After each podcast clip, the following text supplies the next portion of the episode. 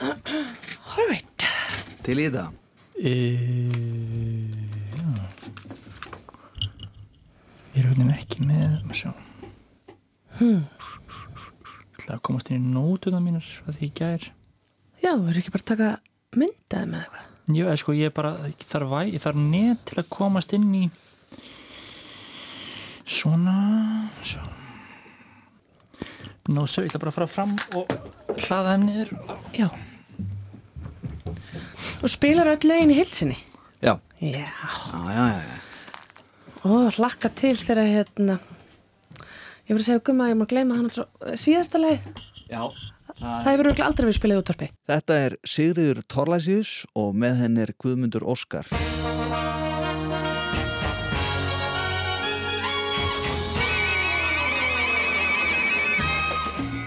Ég heiti Andri Freyr og er Viðarsson og nú hefst útvarstátturinn Geimt en ekki glemt til umfjöllunar er platan Terminal með hljónstunni Hjaltalín. En árum við byrjum á plötunni Terminal þá skulum við heyra þar sem að var svona eitthvað svona brú frá fyrstu plötu Hjaltalín og yfir í þessa plötu Terminal. Það var lagið Þú komst við hjartað í mér.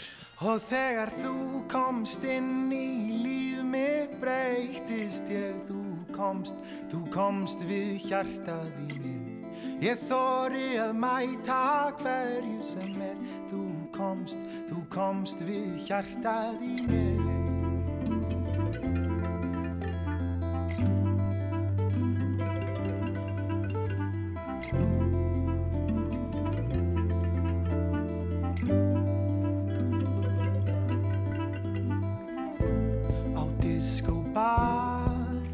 Ég dansaði frá cirka tól til sjö. Við mættumst þar með hjörtun okkar brotin bæði tvö. Ég var að leita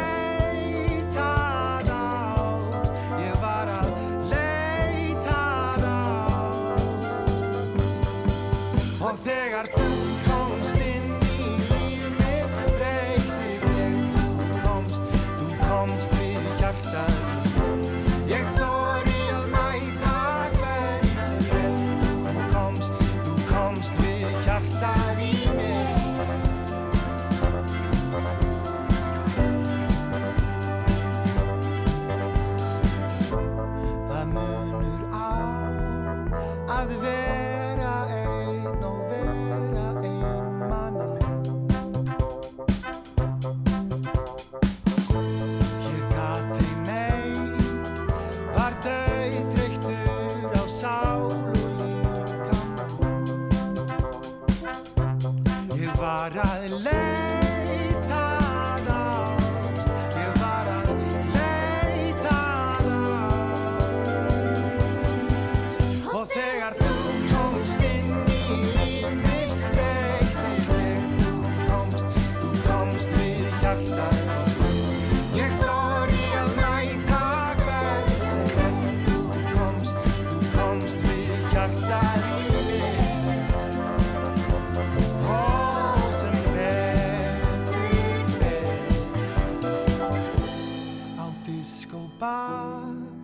Ég dansaði frá cirka tólf til sjö. Við mættumst þar með hjörtun okkar brotin bæði Ég var að leita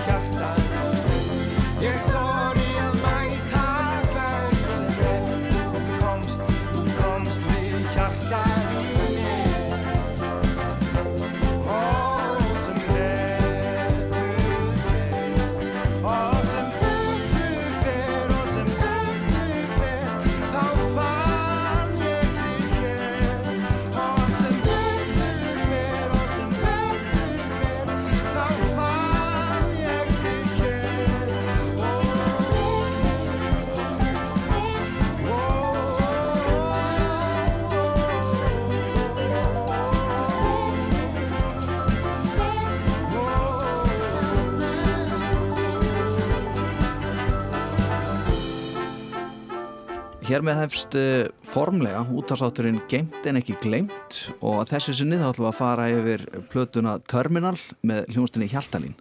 Og uh, já, þetta er plata sem margir segja hafa komið sveitinni svolítið rækilega á kortið. Uh, Guðmundur Óskari á með sæl Blessaður. Og Sigriði Tólasís meðlum í sveitarnar sæl Komdu sæl. Þetta er önnur breyðskjóða sveitarnar mm -hmm. Já, og uh, sko, lægið sem vorum að hlusta hérna rétt á hann, þú komst við hjartaði mér uh, það svona var kvíslaði mér að þetta hefði verið ákveðin brú frá síðustu plötu yfir í þessa, þarna voru þið komin í hljóðrita. Já, Já. akkurat. Já, þú komst í hjarta með að tekið upp í hljóðrita bara á einum degi. Uh, svona skyndi svona skyndi ákvörun eftir uh, slítröng mm. uh, árið. Já. Já, svona skyndi ákvörun að gera hérna svona sumar hittara. Já, þetta varði einhvern veginn svolítið mikið svona sprengja þetta lag sko. Mm. Það var svolítið erfitt sko að hérna eftir það, þá vorum við kannski bókuð einhverstaðar mann nokkur stöðum út á landi og svona það sem við áttum að koma í, það var til dæmis eitt ball mm sem að var svolítið fyndið og frækt í svona okkar minni að við vorum bókuð á ball. Já, og við náttúrulega áttum engin lög til að spila á balli nema þetta eina Já, já. veist, og hinn lögin voru einhvern veginn ekki alveg ballvæn Nei, mjög langt í frá. Þannig að við Eiginlega. vorum einhvern veginn svona á einhverjum staði sem við vorum eitthvað svona kvorki við Mm. vorum bara eitthvað dúlluband með hérna, þakot og klarinett og, og fullt af hljóðförum fullt af ljóðvarum og eitthvað. Og svo einhvern veginn fyrir einhvern miskilning eða svona þá duttum við aðeins inn í aðra kategóri áður en við vorum eiginlega tilbúin. Já. Já, mitt og gerðu þið eins og balsveitir gera stundum takaði samanlagi tvísar eða vinsælt ég held að það hafa alveg örgulega verið gert. Já, og Eftir, að tala um þingarabali Ég er að tala um þingaraballi, já. Sem var í 2010 túrnum eða ekki eftir að tala um það? Jú, Já, já, Já. Við fórum nokkar svona skringi túra sko. Um, Fórum eitt smá túr með, með sprengjuhöllinni Það Já. var alveg skellulegt já voru þið svona leiðilegir eða var, var gekk bara illa það bara var- Sprengjuhöllin skemmtilegir strákar ekki? Jú, það var bara svo illa, illa hérna, það var bara svo illa mætt Já, já, Svo fórum við annan túr líka, það sem Sigga var ekki með heldur Andrea Gilva kom í staðin fyrir sig já Þe- þetta er flottasta sög sem að ég bara Var það ekki svolítið svona heiður að fá það Andreu var Gilva? svakalegur Það heiður var- skilur Þetta er stóri skór til að fylla í, hver Já. getur þengið Andreu Gilva? já, Heyra Andrea Gilva að syngja, þú veist Já. fylgstakksjúkar og svona, þetta var alveg æðislegt Já. og ótrúlega gaman að bara leðilegt að ég hef ekki verið með þú veist til að upplifa þetta Já, Mm. einmitt En þannig erum við komið svolítið kannski fram úr okkur þegar við komin þannig á, á, á, sveitabal og þingeri já, Akkurat. já. En sko, snemma sumas uh, þá var planið að gera tónleika á listáttið Mhm. og þá þurfti þið að fara að semja svolítið mikið að lögum skilst mér og, og, og kom ykkur í gýrin fyrir listáttið Mhm. og er það rétt sem ég heyri að þar hefði mörg lögana, lagana af terminal svona orðið til? Já, Já. ég held að það sé og sérstaklega svona þessum svona kannski þessi búningar sem að nokkur af þessum lögum á terminal kom fara í sko. Já, þetta, þetta hérna uh, svona þetta symfoníska já, Já, umhverfi því að tónleikarnir á lista þetta eru sérst ekki bara við heldur við með kammersveit Já, Einmitt. svo stóri kammersveit já, þannig að þá eru, eru hérna, bæði verið að leggja loka hönd á lög og bara rosalega mikla loka hönd á texta mann ég. Já, já, um, mjög seint. Já, og svo náttúrulega er sérst búningurinn utan um lögin kannski í einhverjum tilfellum fyrst svona orkestral. Mhm. Veist, já, að- einmitt. Og það voru ekki margar sveitir á þessum tíma að vinna með það, að vera með strengja útsendingar og allskins klassisk ljóðverði sem að já, svona, dansa þarna með svona popinu. Nei, Nei.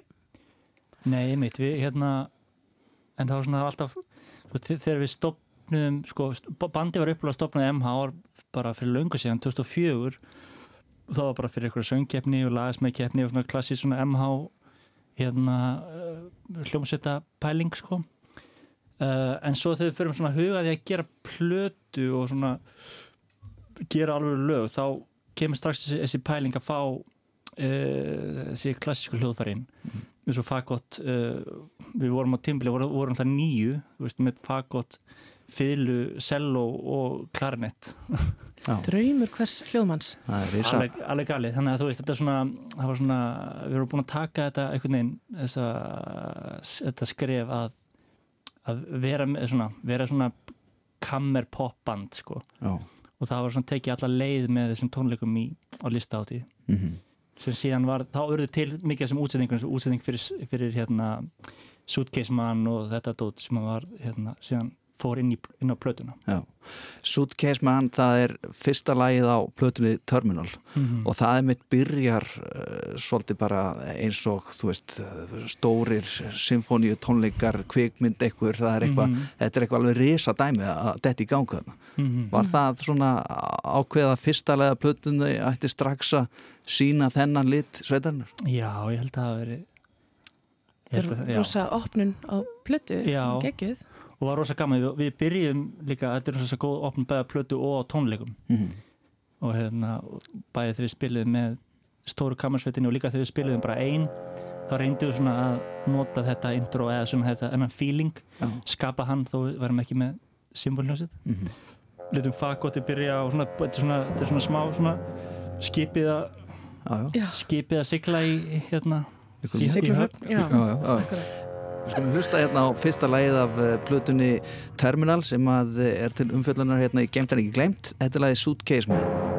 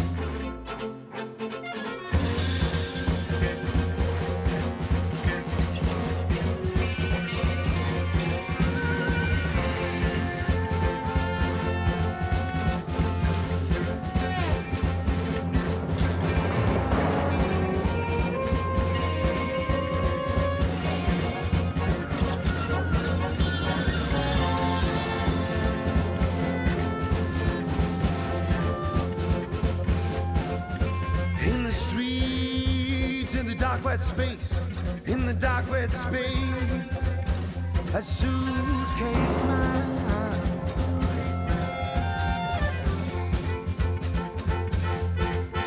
And in the shadow of the shaking, and in the shadow of the shaking, the shaking leaves, a suitcase woman.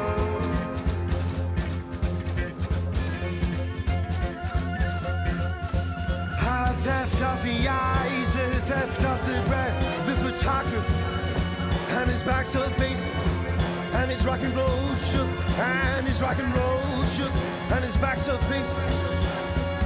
He stole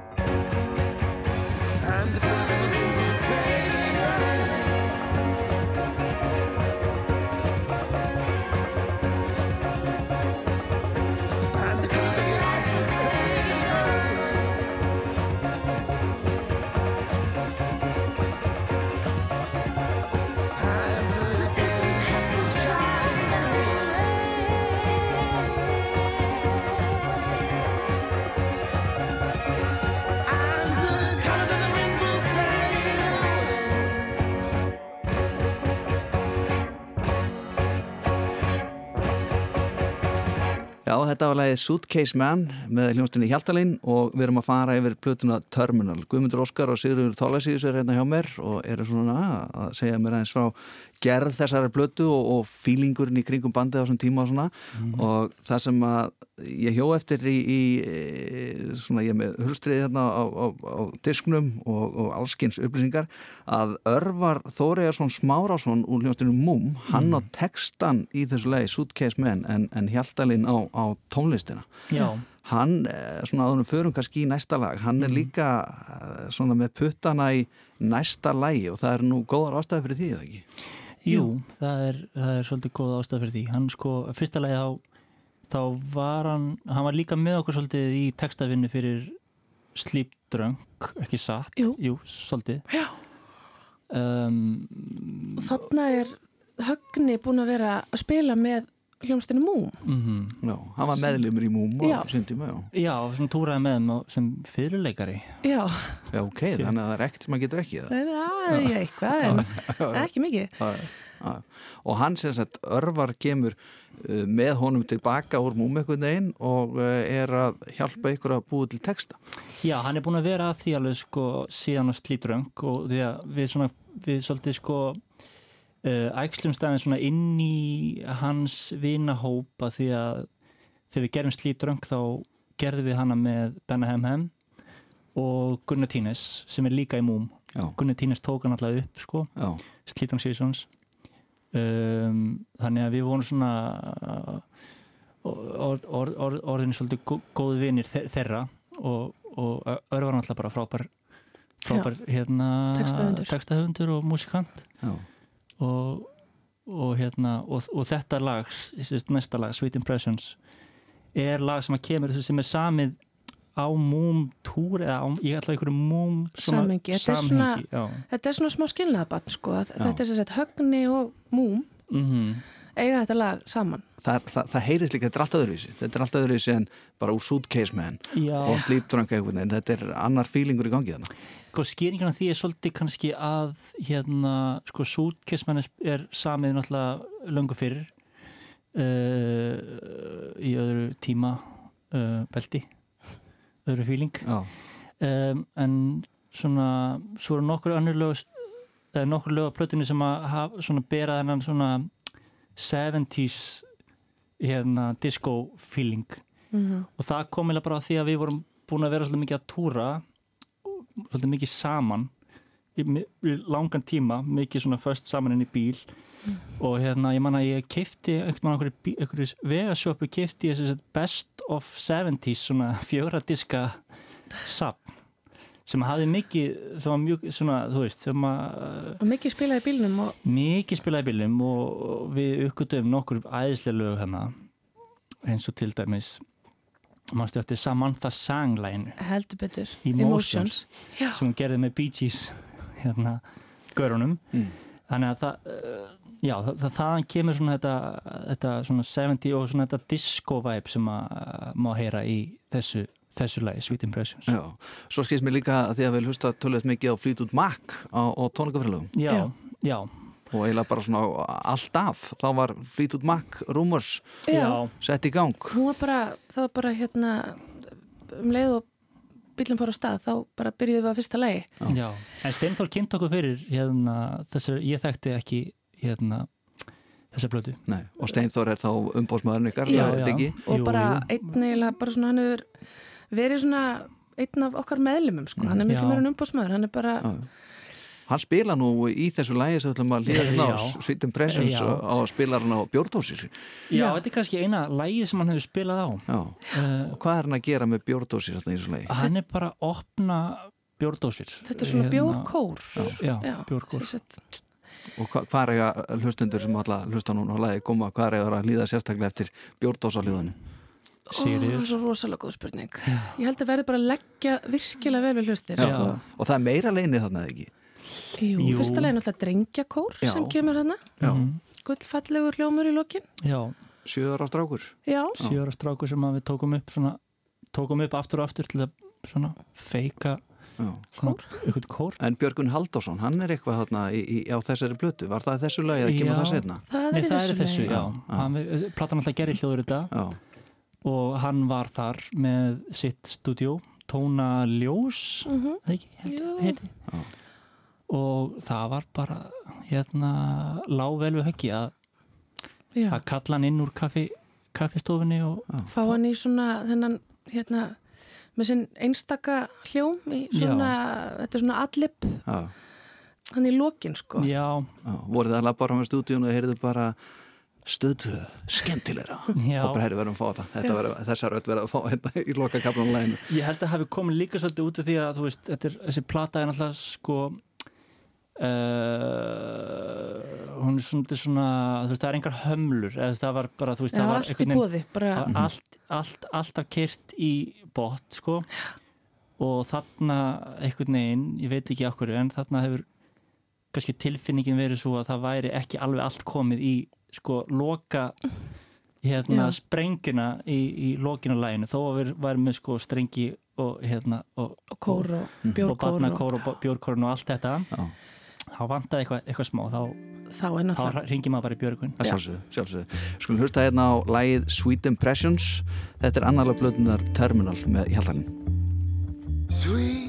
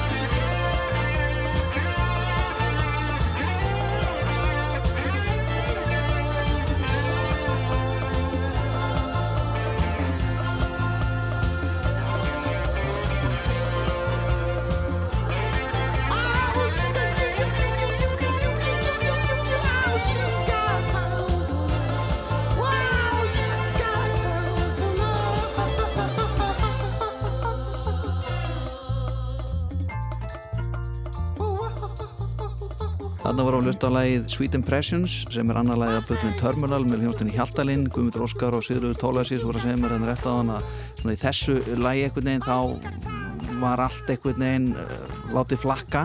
Það mátti gera náttúrulega hvað sem er og, og vorum að heyra þarna um svona sjö ára drengjakor samansettur af eh, sama sjö ára drengnum og Björgkór, Björgun Haldásson og svo fer Högni líka svolítið á kostum hann í lok lagsins. Hann svona sleppir svolítið af sér beislunu Já, og uh, þá svona velti maður fyrir sér hvernig var eins og með alla meðlum í sveitarnar þið komið úr svona mismundi tónlistarstefnum þið hlustið öll á mismundi tónlist Mhm. og svo blandast þetta saman þessu risabandi með öllum þessum hljóðfærum og vildi bara hver og einn einhvern veginn fá að gera sitt og var það bara í bóði eins og það er að högni tekur hérna góða rispuðarni í loklægsins Svítu Brensjós Mhm. eða var svona, var farið við málin og rökrætt og hvað mætti og hvað ekki og þetta ætti að vera svona og ekki svona eða var það bara ég gerir mitt, þú gerir þitt já, ymmi, þetta er Það var nú góð spurning. ekki beint þannig, eða þú veist, það var rosa góð fílingur Já, þegar vorum að gera, vorum öll eitthvað neginn upp í hljóðrita, gera þetta. Það var, það var ekki mikið verið að vaða yfir, sko, nei. En það var bara held ég eins og við vorum að tala um aðan, það var bara einhvern veginn allt í bóði og allar hugmyndir voru bara góður hugmyndir og prófaðar og Mhm. svo freka tekið út. Já, og þú veist, það var einhvern veginn það var svolítið svona bara, já, lát, látið vaða, sko. Já, mhm. talandi um góðar hugmyndir eh, Feels Like Sugar það er lag sem er sennilega stærsta lagið á þessari plötu það er mjög okkursti eitt af þeim allra stærsta af þessari plötu, getur við ekki saman um það? Jú, Jú. allir það ekki Já, það lag e, það er nú eitthvað saga á bak við það þið, það, þið fáið innblástur eitthvað stað frá, ég heyrði eitthvað stað að högni hafi verið svolítið að hlusta á Tótó þegar að þetta lag var samið og Já. svo heyrði ég líka að þetta eitthvað orðið til bara í, í eitthvað svona sendiferðarbílum sem voru á, á flakki á Mhm. tónleikaferðarlagi Já, Já, sko, lægið kemur nú frá högna já, já, textin aftur á móti er eiginlega svona, þá erum við alveg falla tíma, sko. já, einmitt Á leiðinni til Íslands með bókaða uh, tónleika með kamersveit og engan texta. Já, Þannig að þá sátu við, ég, Rebecca og Steinþór í, sendverðarbíl og einhvern veginn klúðuruðum saman einhverjum texta en svona með hugmynd, hugmyndu frá högna og högna var komið viðlæð og svona. Mhm.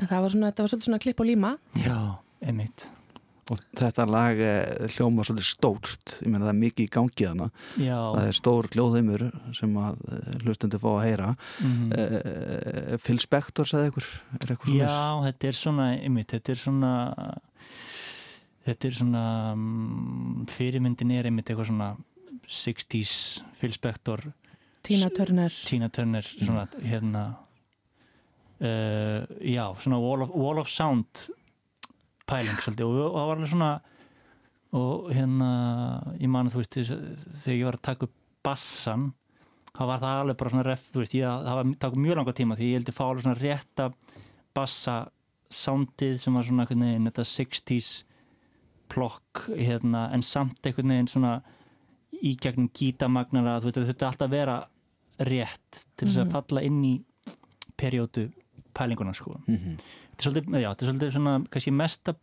Þetta er svona bond pínu. já, það er svona bond sko Mhm. þetta var, draumurinn var að hérna, þetta er einhvern veginn svona opnarlægið í bond eða kannski lokalægið, ég veit það ekki. Þetta er, allt, þetta er allt svolítið mikið þetta er allt svolítið mikið kvikmyndalegt. Ég var að hlusta á þetta myndi gæða til að rifja þetta upp. Og það er stundum það er, mann líður ofta eins og bíómyndi sé að byrja eða jafnvel að enda eða kreditlisti já, já. en það hafið nú gert guðmund tónlist. Já. já, já, já. Þarna er sko högni náttúrulega nýkomi líka, hann, hann er búin að klára sko nám í tónsmiðum já, og Viktor er líka komið með puttan í þetta, veist, þannig að það er, er heldur engin stoppari þar sem er svo geggjað, já, bara já, að gera stórt, útsetja stórt og mikið, húrra inn einhvern veginn strengjasveit og blásurum og hverju sem er, mm, þannig að það voru svona kannski hæg heimatökin einhvern veginn Já, og svona auðveldara en fyrir margana bara dundurinn fullt af fólki já, já, einmitt. og gera stórt. Já. já, já, svo vorum alltaf bara vorum við í rosa góð umhverfi þú veist, hjá um, hjá, hjá Sigga og Kitta í hljóðrita. Já. og svona eina platan okkar sem hefur verið gerð svona mjög svona konsistant svona í bara yfir ákveðin tíma. Uh, ég man ekki hvað lengi þú veist, við vorum ekki lengi að gera þessa plötu en þú veist, þetta er eiginlega einu plata sem er gerð þannig. Að menna Sleep Drunk Seasons var svona, gerði við langa tíma að, þú veist, á, í nokkrum mismöndi stúdíóum. Mm. NT4 var þannig líka tekin upp út um að- eitthvað út í ykkur sumbústum en þessi var svona uh, við vorum bara í hljóður þetta Já, í afmarkaðan tíma, afmarkan tíma og unnum á vor- nóttunni Já. og bara, svo er bara svona dúndraðinn þannig að hún svona hún er svona svolítið sérstök hvað það, það var þar sko Já. en ég, það sem átti við er að við vorum eins og, einmitt, svo góðu um, og hljóðutur náttúrulega er svo æðislegt stúdjó það var nú ekki auðvelt, auðvelt söngtakan sér það nei, Nei, þú ert brálið þannig Ég, ég fór að gráta Já, Högni og Viktor voru ansi erfiðir hann eitthvað neginn og ég man bara eftir hérna þú kemst herra, eða ekki? Eða ekki? Herra? Eitthvað neginn og ég var bara fann að gráta sig bara en ég kemst ekki herra sko. Uh, sem var ekki tekið gilt heldur var að færi, já það færi ríkið. Já, keft bara viskidrætill honni gömlu. Já. Og þá komst hún að herra. Þá kom þetta. Skulum hlusta hérna lagi Feels Like Sugar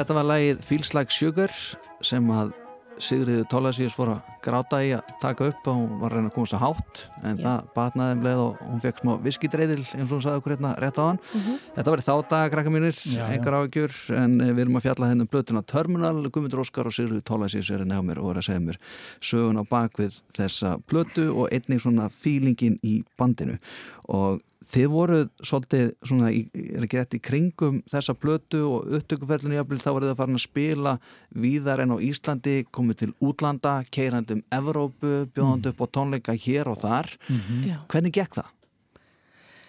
Það gekk rosa vel á þessum já, árum. Já, Á þessum árum. á Nei, þessum árum það var bara rosa gaman. mm Við vorum einhvern veginn svo bara eitthvað hress og það var svo mikið sól í sinni og gaman Já. að vera alls saman eitthvað að tróða sér ykkur bíl og svo bara í aftursættinu og eitthvað. Það var allir bara, þú veist, mjög til í þetta. Já, já, einmitt, eitthvað sem kannski eitthvað, maður sér kannski ekki alveg fyrir sér í dag Nei. Nei, gista, þú veist, það var kannski ekki til hótelplás fyrir alla þannig að einhver tók að sér að gista á bílarplani, þetta var svona þannig þetta var bara. Það var ekki, þú veist, það var ekki mikill lúksus sko, Nei. það komur svo lúksuskik af og til já. að, þú veist, það var svona út af því kannski líka við vorum með þetta svona, svona klassíska klassísku tengjunguna, þá fekk maður stundum svona á og til, svona kíkja til Brussel, þú veist Já, eða, svona þegar við vorum einstakar sem var dettin og eitthvað svona fólk hátíði líka Já. sem var oft svolítið fyndi. Já, Þá stundu var aðeins, aðeins hérna, bara þá var kannski bara rúm fyrir alla og svona. Mhm. já, einmitt og maður tók, eða, já, þannig að standardin var ekkit hár, sko Nei, nei. En þegar það var kom, verið að, uppbúið rúm og, og, og, og hérna og bara frí morgumatur og svona, það var náttúrulega bara algjör lúksu sko. Sko. en við vorum, þú veist, það var verið að fara bara í búð og kaupa bara, þú veist, ég man eftir því þegar Viktor kifti bönirnar, skilur. Já, já. Það kostaði bara eina efur eina efru, þú veist, það kifti hann bara fullan boka frosnum bönum því við áttum ekki pening. Bara, við getum borðað þetta krakkar í bílum, það er ekkert mál. Það er ekki gott. Mér minnir að það hefur verið allt í lagi, sko. já, já. En við ætlum að, að halda hérna áfram og, og fara þá í næsta lag sem er uh, Song from Incidental Music, eitt í næsta lag og þetta lag eh, er líka svolítið svona þar er, þar heyru við, það er fólk sem er farið í skóla, lært á hljóðfæri kann að lesa nótur, já, það veit hvað er að gera. Já, og, já og hlusta á Scott Walker. Scott Walker, já, já. Þetta, er svona, þetta er svona svolítið þetta, svona, já, svona Scott 3, Scott 3 sko, það var platan okkar, já, okkar högna á þessum tíma. Já. Uh, þannig að þetta er svona einmitt þetta er svona íri svona hérna psychedelic uh, klassíska sound, einhvern veginn Mm. um, og þetta er náttúrulega bara þetta lag er svolítið svona högni í högnalandi sko, þú veist, það er ekkit þetta er engin, við komum þarna ekkert við sögu sko Nei. hann sér um þetta sjálfur hann sér um og þú um, svona, já, Og ma- hann á textan líka, ég man Já. þarna fannst mér svona fyrst ekkert neginn vá, þú veist, þetta, þetta er svona þetta er svona þungavíkta texti þetta Já. er rosalega flottu texti og, og Mhm. hérna allavega fyrir mig, bara áttaði mig þarna svona fyrst af því að hann hann er náttúrulega, hefur svakalegt vald á, á enskri tungu. Já, og hérna ég hlusta á þetta lag, ég skil ekki neitt sko, eða ég veit ekkert um hvað það er. Nei, það er alveg ég orðað veit sem að það það veit ekki alveg. Já, uh, en þetta er ógislega flott. Er þetta lag, er þetta lag svona eitt af þeim lögum sem að er svona uh, eftir langan tíma líta tilbaka, hlusta aftur þá svona, herri, já, ok, þetta er nokkuð magnað, eða var þetta alltaf einhvern veginn Ég held að okkur hef alltaf þótt þetta rosalega magnað já, Við vorum alveg sammála um að þetta lag ætti að fara á plötuna mm En hins vegar er þetta lag sem að ég held við höfum kannski aldrei spilað live nema á kannski útgáðu tónleikum eða með kammersveitinni. Þú veist, Já. Þetta lag fer ekki vel í hljómsveitabúning. Nei. Þetta er bara svona, já. risa stórt og, og ég man að Högni var náttúrulega eðlilega mjög stoltur og ánæður með þetta. já, já Þetta er ekkert lag sem spila á sveitaballi nei. Nei, Nei. Við skulum líða hérna á þetta lag, Guðmundur, þú kannski kynnað einn já, þetta er lagið Song from Incidental Music. Það er nefnilega það. Shy thoughts and grave hands to wander as they're kissed From furrow to furrow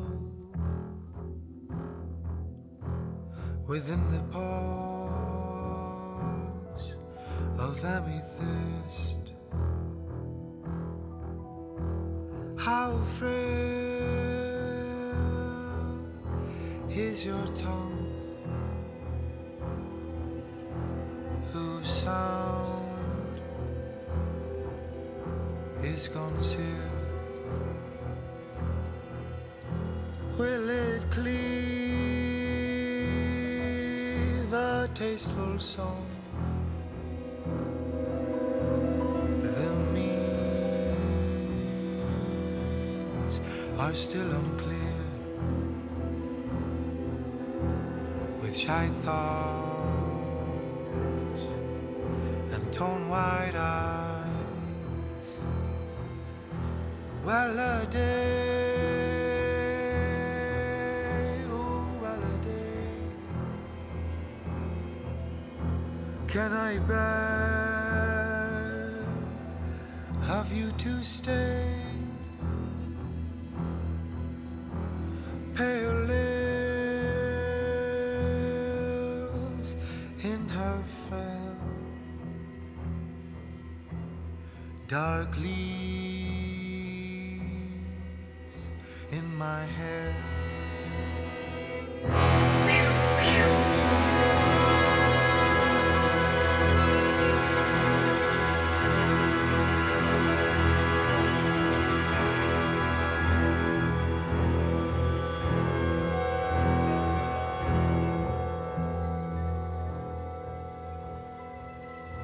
with dark leaves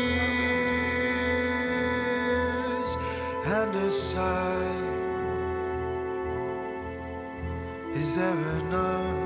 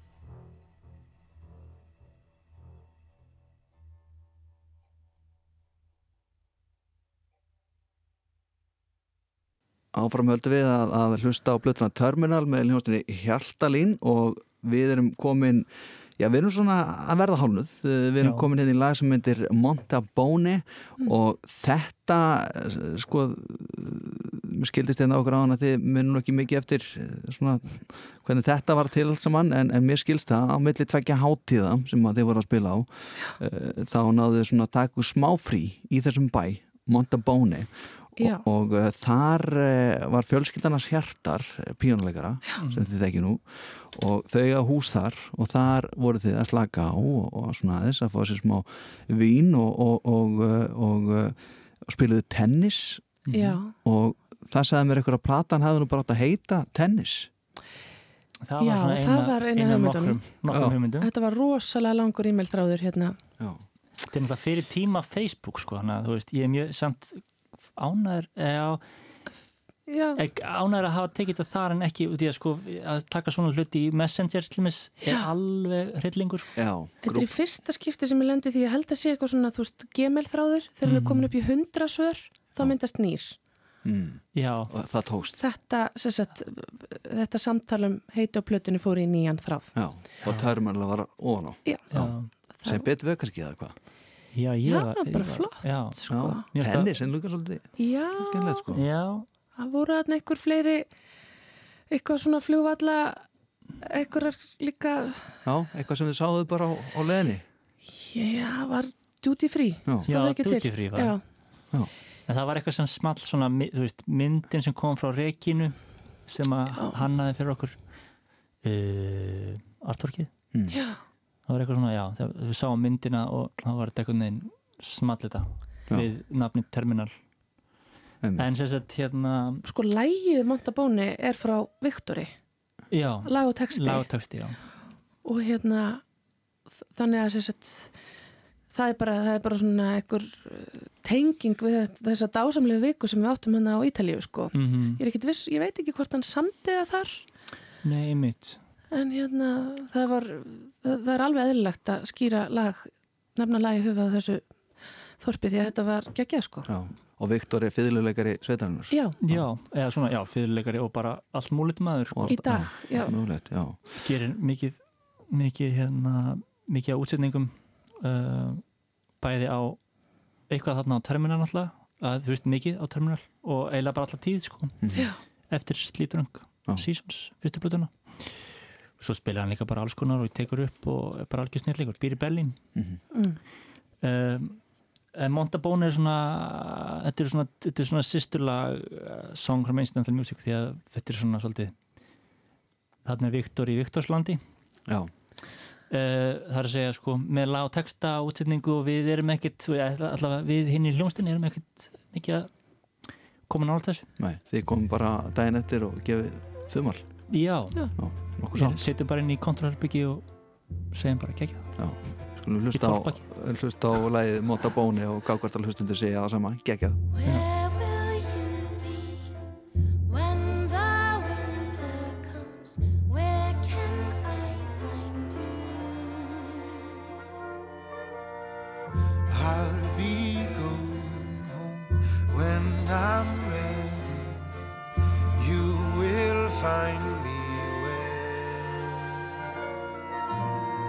sounds of crickets and sounds of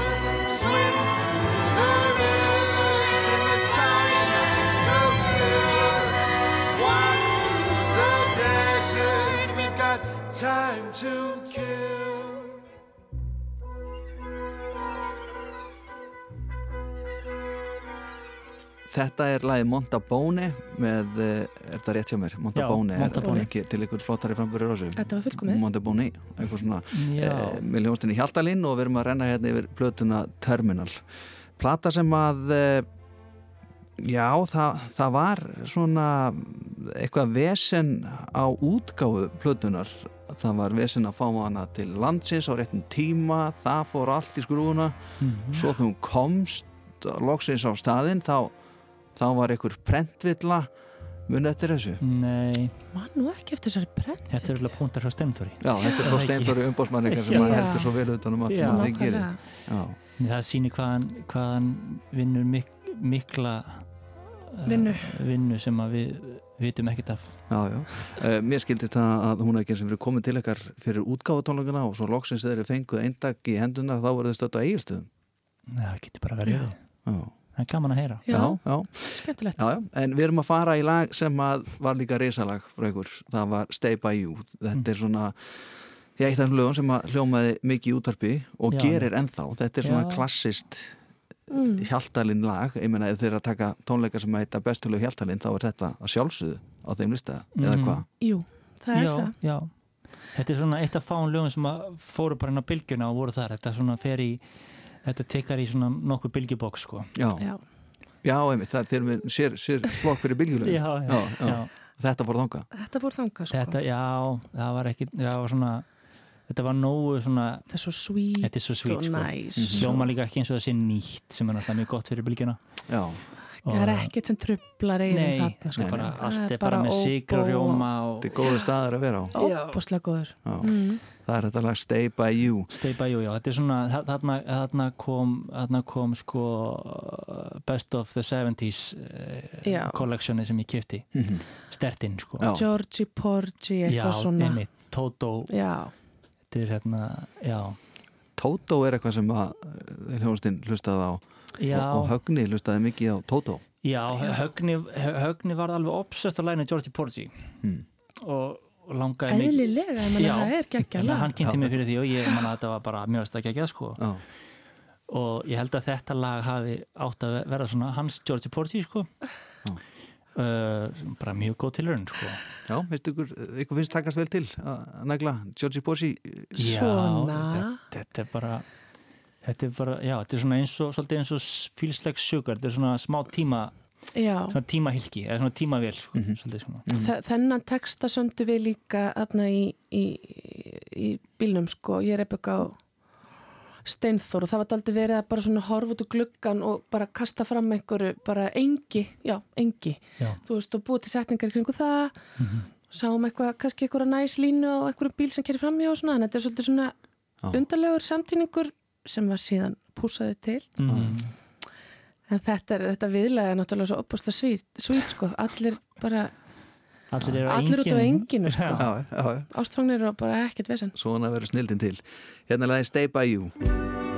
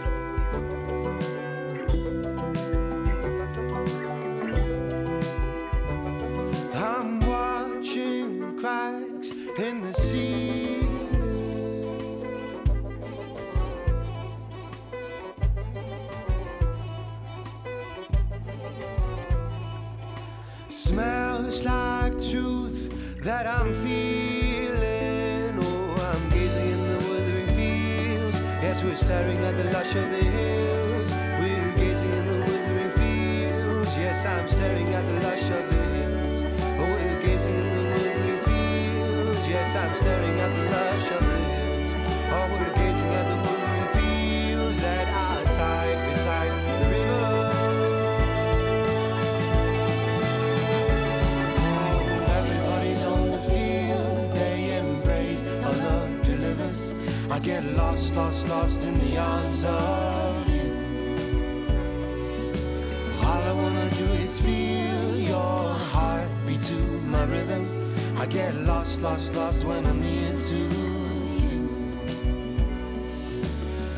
Everybody's on the fields, they embrace our love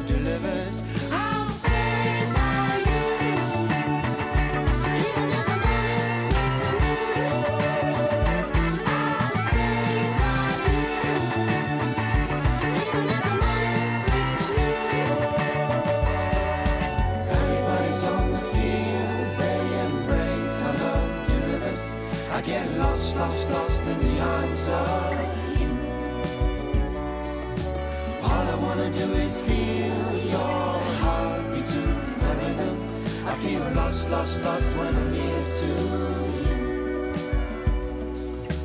Everybody's on the fields, they embrace our love delivers. I get lost, lost, lost in the arms of you. All I wanna do is feel your heartbeat to my rhythm. I get lost, lost, lost when I'm near to you. I feel lost, lost, lost when I'm near to you. I get lost, lost, lost when I'm near to you. I feel lost, lost, lost when I'm near to you. Georgia Porgy Plum Pie Making her make her cry Það er með þetta lag By You sem að eh, var svona tilraun eh, högna til að gera sitt Georgie Porgy sem að Guðmundur var að syngja þetta fyrir okkur. Og eh, eitt af stærri lögum, plötunar Terminal sem við erum að fjalla um hérna. Mhm. og þá erum við komin að næsta lagi sem heitir Hooked on Chili. Mhm. og það er líka þetta er svolítið það, það búið svolítið svona rauði þráðurinn er að það er margt sem að svona þið tengið við tónleikaferðalög Mhm. og þar á meðal er þetta lag Hooked on Chili því að ég held einhvern veginn að vera svona hm, Hooked on Chili, það er eitthvað svona önnur, það er eitthvað svona önnur meining á baku þetta en Nei, það er ekki bókstarlegt það er bara það, það er meðlum með hljónstana Hjaltalín eru sólgnir í, í Chili Já, Ekki allir. ekki allir. Nei. Þetta, þetta er þetta Högni og Viktor eiga í svona mjög uh, undarlegu sambandi hvað var þar sterkar mat. Eða svona, þetta er svona einhver þetta er bara eitthvað svona, þetta er eitthvað smá svona hver getur bara sterkast? Já, já, já, Já. þetta er þannig svolítið sko. Já, já. og við hinn Fara, við förum að, alltaf þau fórum að indaskan. Ég náttúrulega hata þegar maturinn er sterkur og, við erum bara í einhverju svona ananas eða svona einhverju massamann svona Já, já. þægilega. Já, kannski tveir tiljar og þeir eru svona voru, uh, fóri, þetta, að myndast eitthvað svona keppnis dýnamiki hjá þeim sko, að tala við þjónin og, og fá eitthvað svona Fá auka fá, já. já, fá réttin sem er ekki á eitthvað svona. Ah, Uh, og Viktor. Viktor náttúrulega uh, rústa högna, að Viktor er svo mikil keppnismæður sko. Um, hann er, ég var ekki spurt hann, hann er örgulega bara með ónýtan veist, eitthvað bræð skinn eftir já, eða bara vélindað ónýtt eða eitthvað út í þetta. Var náttúrulega bara oft alveg skelfulegt sko. Já, um, en það, já, en það hans að kemur innblásturinn í þetta lag já, on Chili og, og Chili. það er nú gott betur en það, það er ekki uppskrift frá högna jú, jú, í, í loklagsins, svona chili vodka chili vodka, já, Já. og við, við gerðum nú chili vodka sko Já. og hérna buðum upp á það í Útgáfu. útgáðpartíunum Já. og, hérna vorum svona þess að vinna með þetta Mm. og uppskriftina má finna þannig í lokinu læginu og hún er einföld hún er og- mjög já, einföld það er bara þú bara tekur chili og setur í vodka og svo bara býður aðeins og í tvo daga held ég að segja leave it there for Já, two days, eða few days Já, og svo drekkur það. einmitt Og Einmitt. þarna er í læginum manni, það, þú veist, það er, sem sagt, má heyra einhverstað talandum hérna bjórkórin á þann. mm, Það er hérna chili skurður. Já, Tekin já, upp. já, já. það var ákveðið að Það er, má heyra í, sem sagt, það var settur mikrofón á skurðabretti mm, og svo var bara skorið. Og ég held kannski að það hafi verið laukur. Mástu þetta? Já, ég Það er svo nei. gott sound í lauknum, Já, sko. mjög gott já, ég held að, já, það tók ekki þetta var ekki svona eitthvað, já, já, hendum mæk á brettið og tök, það var þetta alveg að finna rétta Já, já, rétta nývin, Já. rétta hérna réttu, já, rétt, rétta já, ég mitt, laukur er örugglega- ég held að hafi, já. Já, það er að gott skurðabrettið í því að þú fæði svo lítið sound úr Chiliin, sko. chilin, það er Já, svo lítið, já, skilur En þú, laukun er já, já, já, já, mjög flott, mjög flott. Hooked on Chili heitir Mm. næsta lag hljóðstunnar e, af plötunni Terminal. Við ætlum að hlusta á það og svo Mm. svona ef þetta, þetta er lag eftir sko Viktor, Viktor Já. já, já, og textin er högni Textinn er lagið eftir Viktor, þetta eru Mm. Chili mennir sjálfur Jú, jú. og svo ætlum við að svona fyrir fólk sem er ekki að laupa og, og, og, og ná í blað og penna þá skulum við bara fara hérna í uppskriftina bara þegar laginu líkur já, já, tossed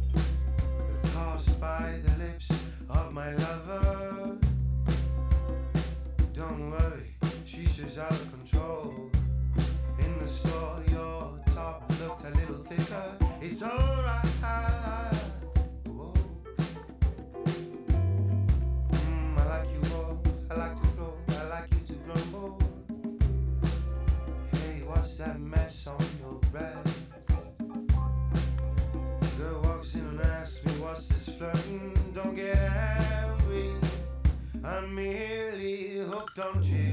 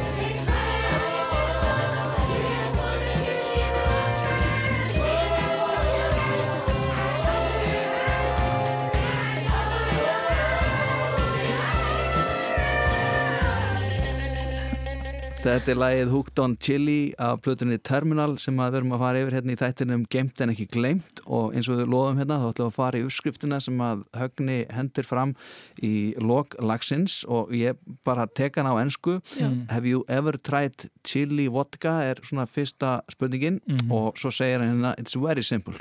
You just put the chili in the vodka and leave it there for a few days and hopefully your night will be alright Einmitt. Jep. Þetta er ekki flókið sko Nei. Nei, Þetta er þetta er bara uh, já, En það er líka búið sannreina þetta og þetta bara er, þokkalegt þetta er þokkalegt sko. Já. nóttum verður, verður fín Já. já, og, og da, en, en svona spurning við daginn eftir sko já. Það fyrir bara eftir magni náttúrulega og Nú erum við fann að tala um daginn eftir Já. Eh, Næsta lag Það já, Sonnet for Já. Það er lag sem að það er svona, það er svona daginn eftir lag Það er daginn eftir lag. Já, og uh, þetta er uh, þessi uh, Matt er það þessi gaur sem að, að þið hittu á jamminu einhvern tíðan á sveitahótel í Breðandi Já. þetta er, hann, Þetta er er bara nákvæmlega Þetta er hann og hann var bara eins og, þetta er bara sagan um matt. hann Já, Ég mann reyndar ekki hvernig hann kom inn í faðm okkar og fang og þar leðandi með okkur inn á Nei. eitthvað herbyggi, eitthvað partí. já, alveg rétt, já, hann var með ymmit hann, En hann var sagt 19 ára fráskilin eins og fram kemur. Já, og hérna var, fór mikinn og hann var með eitthvað drikk sem Frosty Jacks. Já, Frosty Jacks og það er hérna einn setning í lægin hann segir hérna Screw you over sunshine Já, I will screw you over sunshine, já. Það er bara setning sem Matt saði bara við Rebekku þegar bara, þú veist, Já, með varðandi drikkin varðandi já, Frosty Jacks. Já, Eftirminnlegur maður. Mjög eftirminnilegur og ótrúlega gaman að að það hefur verið bara, þetta hefur verið dokumenterað og bara gert lagumann því að hérna, ég held að Matt hafi ekki hugmyndu það. Nei, það verður gaman að finna Er þetta kannski, þetta er kannski þáttur, Andri? Þetta er þáttur, fara að leita And- Matt. að Matt Já, já, And, Andri og Góskar já, fara að leita Matt. Og bara til að hún heyra og lægin hann var með þetta, þetta orð sem að við erum sem Cushion, að, já, cushion. Við skildum ekkert hvað það þýtti þetta var, þetta var svona, svona já, þetta var svona, hann var mjög svona breskur, með rosalega þykkan hreim. Já. Mm. Og hann var alltaf að tala með eitthvað svona cushion sem við skildum ekkert hvað var sko. og ekki einu sinni högni þó að eins og fram hefur komið. Með mjög gott valda á enski tungu. Já, en, en Cushion náttúrulega læðist inn í lægi hann ekki það Já, líka, já. og, hans, og mér svo líka, líka hjá eftir ég var hlust í gæra og reyðið upp að og svo falli lína hjá högna sem að, hérna, sem að hann segir sko uh, The old Matt Why can't life not suit you well? Sem er svolítið fallegt sko. já, bara, hvern, lýsir svolítið Matt. Já, já, bara eh, lífið fór honum ekkert rosalega vel. Já. og þetta er svona, þetta er svona smá svona ég man að við vorum að hlusta svo mikið á grisliber á þessum tíma. Já, og hérna, þú veist, þannig að þar, þar eh, kom svolítið svona einhver inspirasjón já, þetta er svona mesta indie lagið á plötunni, þetta er svona, þú veist, tekið upp þannig, þetta er svona tekið upp live uh, inn í hljóðurita þú veist, þetta er ekki svona ó- ofur pródúserað, Mhm. þetta er bara svona lo- lo-fi svona room, room sounding lag svolítið sko já, hendar vel Matt já, já, hvað það gerir svona indie og já Lo-fi, Indie og herbyggi lo-fi. eitthvað. Já. Ég skulle hlusta hérna á Sonnet for Matt af plötunni Terminal með Hjaltalín og það er hljóma svona A dear young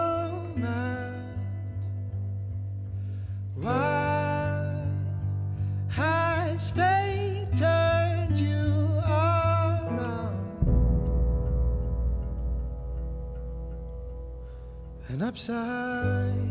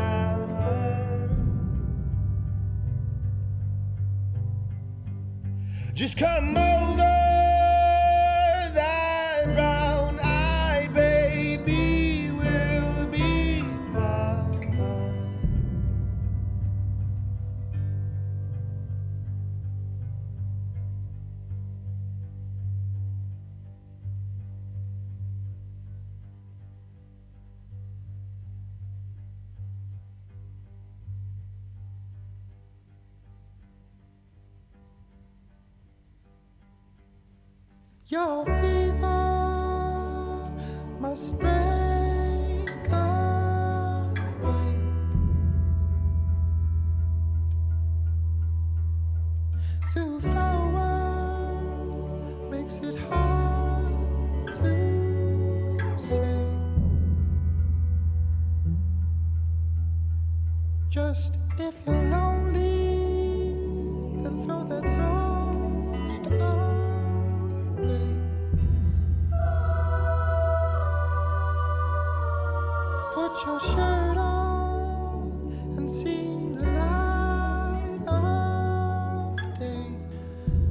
Þetta var semst lægið um Matt hann magnaða félaga hljónstunar Hjaltalinn sem að kynntist nú já, þekktu það nú ekki í langan tíma en, Nei, en nei, eina kvöldstund Eina já, kvöldstund. já, og kynnin skil eftir sig þetta fína lag Já, Já, ég held að við værum örgulega búin að gleyma matt ef ekki væri fyrir þetta. já, Eða þannig. Já, já, þessi mikið af fólki sem að er búið að segja með lögum sem að hefur ekki hugmynd um að setja lag um það Örgulega. Ég er rosa heiti, ég var að hugsa þetta núna milli þegar ég hlusta á lagið. Já, Við verðum að gera þáttinn. Já, já þú ert búin að, já, já. að hugsa mikið um það já, ég, já, ég held að það sé alveg briljant sko. bara tölum við Já, við bara kýlum þetta í gang og, og hérna, græðum þetta en, en við svona erum að fjalla um þessa plötu hérna í þættinum Geimt en ekki glemt mm. platan er Terminal með ljónstinni Hjaltalín Mm. og uh, þetta er uh, svona önnuplata sveitarnar sem stemplar ykkur rækilega inn á kortið og fólk hugsa með sér ok, það var ekki bara Sleep Drunk Session sem að Seasons eða Seasons, það, var, það, var, það er meira þarna í þessu bandi, tölvert Mhm. meira og þeir sannið það hérna í þessar blödu árum förum yfir í, í næsta lag þá svona umslag plötunar þar er nú eitthvað saga, þekkið hana? Þessa mynd? Uh, Ég við Sko, náttúrulega þekki myndina því að Já. hún er á plötun okkar en Já, já, já. en, já. Byrju, ertu með eitthvað insight? eða? já ég er með smá upplýsingar, Ok. ég er svona glatt ykkur með því að ég get svona sagt ykkur aðeins fá umslæðið þessar plötur sem að þið gáðu Jú, takk hjá Og fyrir, hérna- rifið það nú þessu Já, ekkert mál, ekkert mál. Þetta er sem sagt uh, umslag sem að Regina Rúrk gerir. Jú, jú, og uh, þetta er sem sagt uh, svona afbökuð mynd á þessu umslægi sem er úr kvikmynd Alveg, alveg rétt. sem heitir Mean Streets. Já. Svo frábæra mynd. Já, og þetta er sem sagt uh, úr svona skjáskot af einhverju nekta senu í þeirri mynd mm Mhm, með Harvey Keitel. Einmitt. Einmitt. Já. Þetta var gott að rifja Já, þetta. ekkert Já. mála Men þetta til þess að þátturinn. Við erum að rifja. Geimt en ekki glemt Svona gerum við þetta sko. Nú tilgangun náð sko. Áfram höldum við með uh, þessa blötu Terminal og uh, næst er komið að öðru lagi sem hefur heldur betur lifa góðu lífi og uh, það er oft spilað. Ég meina ég er búin að vera að vinna hérna rástöðu í þó nokkur ár og þetta hefur alltaf einhvern veginn verið svona eitt af þessum lögum sem að detta inn reglulega og maður Já. heyrir oft. Kom það óvart að lagi Seven Years myndi lifa svona lengi og, og, og vera svona vinsalt En þetta er kannski eitt af þessum lögum á þessari plötu, það er kannski ekkit, þú veist, það er svo mikið af skringi Mhm. hana og Mhm. stóru og einhverju Flóknu flóknu. Um, þetta er svona eitt af þeim lögum sem kannski, já, þú veist, lág svona fyrir að myndi kannski rata í útvarp. Já, já, já, bara, veist, þetta er bara gamaldags eitthvað disco, Já. fílingur, allir hressir. gott viðlag og allt svona þetta gaula já. með og, Já, já. Um, þetta er svona ekki. stílbrott. Í stílbrot, já, já, þetta er stílbrot út af því að sko við höfum nokkur sinnum einmitt farið á þetta diskóvagnin sko sem er alltaf mjög góð hugmynd í stúdíónu en svo einhvern veginn er það kannski, þú veist, við erum ekki alveg við erum ekki diskóband, skilur við Nei, nei, við vitum það þið Já. vitið það Já. Það er gott. og hérna þannig að þetta er svona, einmitt, það er svona þegar að svona eftir stúdíóvinnuna þá kannski er ekki alltaf fílingu til að vera mikið að diskó þessu upp sko Nei, og mörg lög af þessari plötu svona, hafa svona ratað inn í setni tíma, við getum spilað þau í flúti við nýra efni Já, og það hefur verið lókist. Þetta var einhvern veginn ekki endilega lókist í því samengi. Sko. Nei, einmitt. En þetta er ógeðslega, ég, ég, þetta var náttúrulega frábært lag og, og svona, þú veist, eins og hérna, það er svona skýr all night long, Já, hérna, refi. reffi. Já. Þú veist, veist, það var áttu, við vorum alveg að gera disco hittara, skilur Já, já, Eða skilur, ekki, þú veist, það er að segja eins mikið disco hittara og hljómsnýj ég held að hann getur gert. já, já. En, svona, en það sem ég ætla að segja var að um, kannski líka ástæðan fyrir að við höfum ekki spilað mikið live er að þetta er svona svolítið stúdíó galdra dæmi eða þú veist, ég var að hlusta í gæri myndi ég hugsa, já alveg, þú veist, það var alveg syntabassi með bassanum því að Mm. þú veist, alls konar hluti til þess að, til þess að sem við gætum gert í stúdíón til þess að gera þetta geggjað Mhm. og svo þegar við erum sex þá eru svona sumlöð sem bara svona automatist fara át úr prógramnóti því að þau kannski deliverast ekki við náum ekki alveg að skila þeim eins og þau eru á upptökunni eða þú veist, Já. vantar eitthvað svona umf vantar eitthvað svona Já, þá kannski, já, nú sitt ég þetta með skottum með lappana sko þegar hann hefur nú komið fyrir að maður líka spila tónleikótgáð á þessu lægi sem er til hérna á, já, þannig ég kannski að gera ykkur bara eitthvað óleik með því og þetta kannski halda mig bara við Nei, ljóðasauðtökuna er það ekki tónleika upptaka bara með symfóniljóstin? Jú, Jú, gott Já. ekki, já Ég Það er held allt í að lagi, það sko. má Ok, alveg, já, hún ok. hún má vera. Ok. Já. Það slætar já, já Ok. það var- En svona hljóma lægið á plötunni, Seven Years já,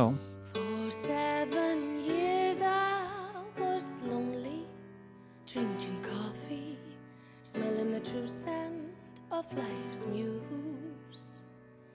In seven years I came restless, without content, never followed my man from sorrow. I bought some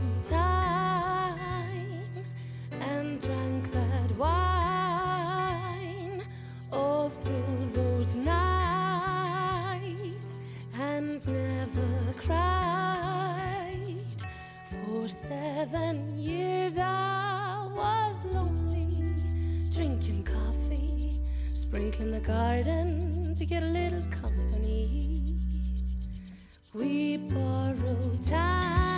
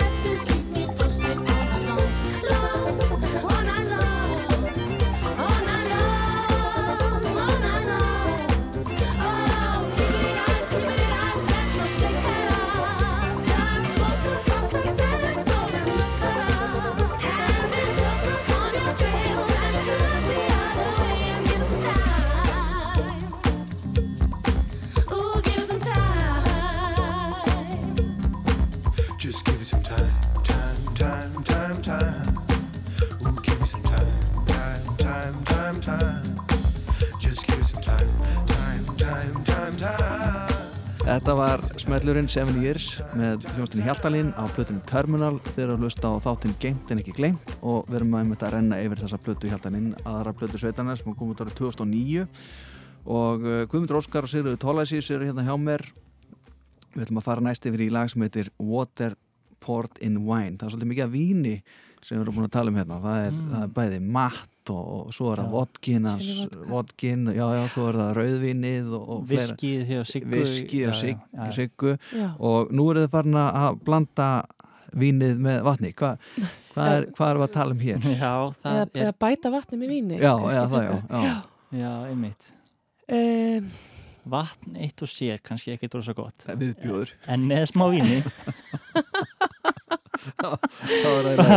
þá er það í lagi. Sko. Þetta er lag sem að er skrifað á alla hljónstina mm lag og texti. -hmm.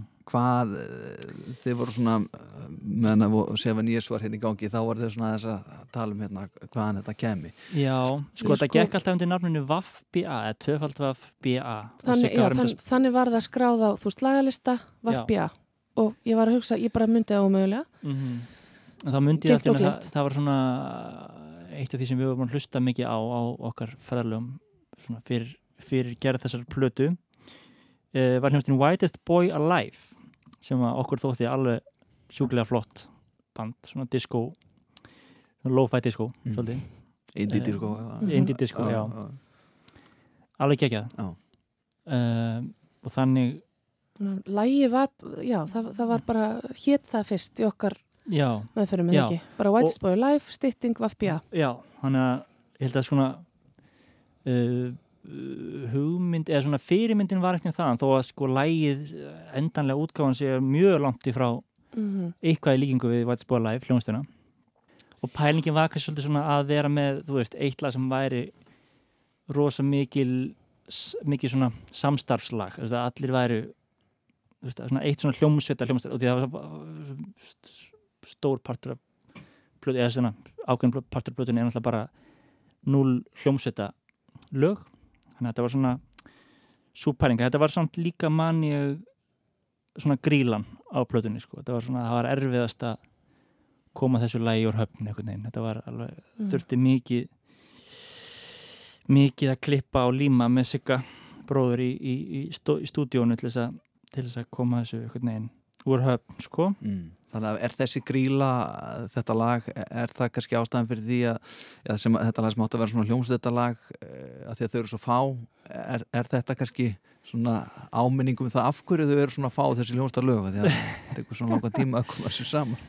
Um, sko ég veit að er það fyrir allt eftir í hvað, þú veist, í hvað maður uh, setur tíman, þú veist, ef að ég er ekkert vissum að þetta, uh, þú veist, allt í allt hafa þetta tekið le lengri tíma heldur en að gera útsetninguna af Montabone, skilur, en þá má bara gerða einhvers staðar heimi á Viktori þú veist, og við vissum ekki hvað það, það tók langa tíma svo bara það Mm. tekið upp þetta er bara spurning, þú veist, ofta, þú veist, þetta er bara annarkvort fer mikil tími í pre-production eða þú veist, áður en maður tekur upp eða þá eftir maður tekur upp Mhm. Líka svona ákveðin áskorun að koma svo fyrir á plötunni. já, Einmitt hvar á þetta heima, ekki það að allt hitt sé logist endilega. mm En þetta var svona gríla í þeim skilningi líka bara, úf, þetta er einhvern veginn úr allt annar átt. já, já, einmitt er að, og ég man að við fiffum það þannig að sko uh, já, þá fórum við svona að tengja yfir í næsta lag Mm. þannig að það var tekið upp, þú veist, fagott í lokin Brrr. svona smá tilhjóðin í byrjunin á plötunni. Já. og þá gotum við tengt í symfoníska dóti sem er að koma þú veist, þar á eftir. Já, en við skulum hlusta á þetta lag. Þetta er Water Poured in Wine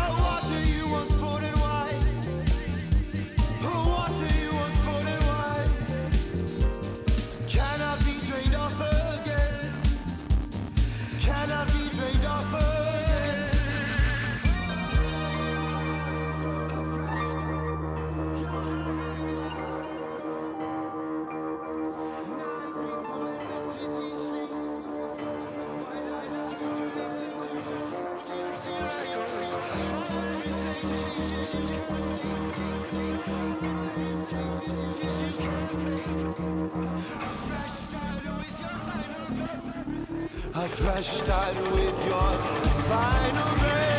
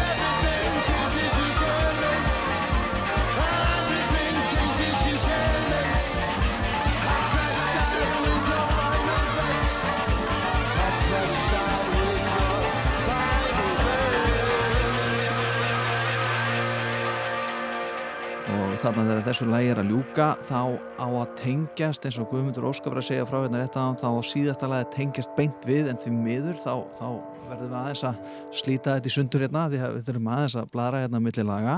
Við erum búin að vera að spila hérna núna plötuna Terminal eh, með ykkar hljómsveit Tjaltalinn og uh, við erum að detta inn í síðasta lagið á þessari plötu.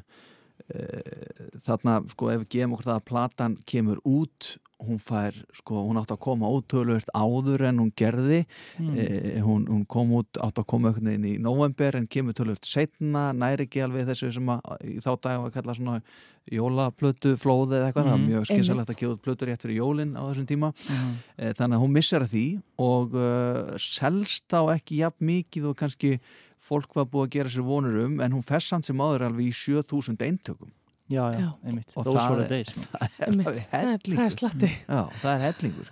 Og, uh, en hún kemur aðeins einna. Nú er fólk rosalega mikið að býða eftir nýri plötu frá Hjaltalín. Sko, hún kemur á 3. júli já, já, það er stutt í það. Það er stutt í Já, það. Þetta er bara að vera að koma sko. Hvað heitir nýja platan? Hún heitir bara Hjaltalinn og við köllum hana Úlfaplötuna. Það er nefnilega það Það er komið að síðasta læginu af plötunni Terminal og þá er tímið til komin að fara að segja þetta gott Já. Það er lag sem að heitir Vanity Music þetta var aldrei svona annarkvort lokalægið eða ekki Er ekki inni með, nei, einmitt Þetta er rosalega þetta er rosalega stórt Já. og mikið Þetta er svona, þetta er svona högni og sigga í Disneylandi svolítið. absolutt Enn eitt landið þessari plötu Já, og þetta Já. er einhvern veginn, þú veist, það er, það er rosa mikið bíómynd í gangi, náttúrulega, þú veist, þetta er rosa svart-hvít, finnst mér, og það var náttúrulega ekki fræðilega möguleik að hafa þetta ekstra inn í plötu, sko. Nei, nei, Það hefði ekki verið gengið neitt. nei, nei. Hvað kemur á eftir þessu eldfuglinu með stafnski? ekkert, það kemur ekkert Þetta er lokalæði á plötunni uh, Sigriður Tólæsius og Guðmundur Óskar Takk hjá fyrir spjallið, þetta er gemt en ekki gleym Takk takk fyrir að fá okkur. Takk fyrir að rifja þessa plötu upp fyrir okkur uh, terminal Hér er lægið Vanity Music I get these troubled thoughts on tales and how they're chased. You settle down for one or two.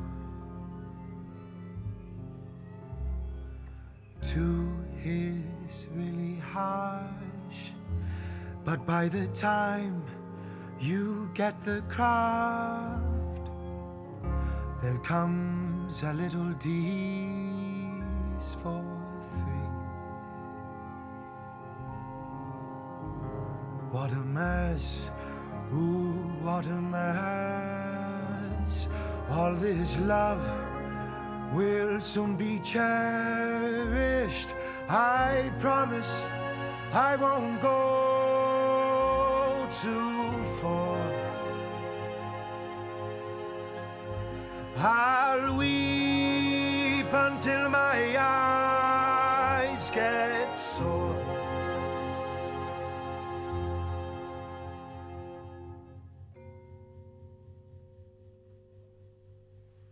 Tell me more,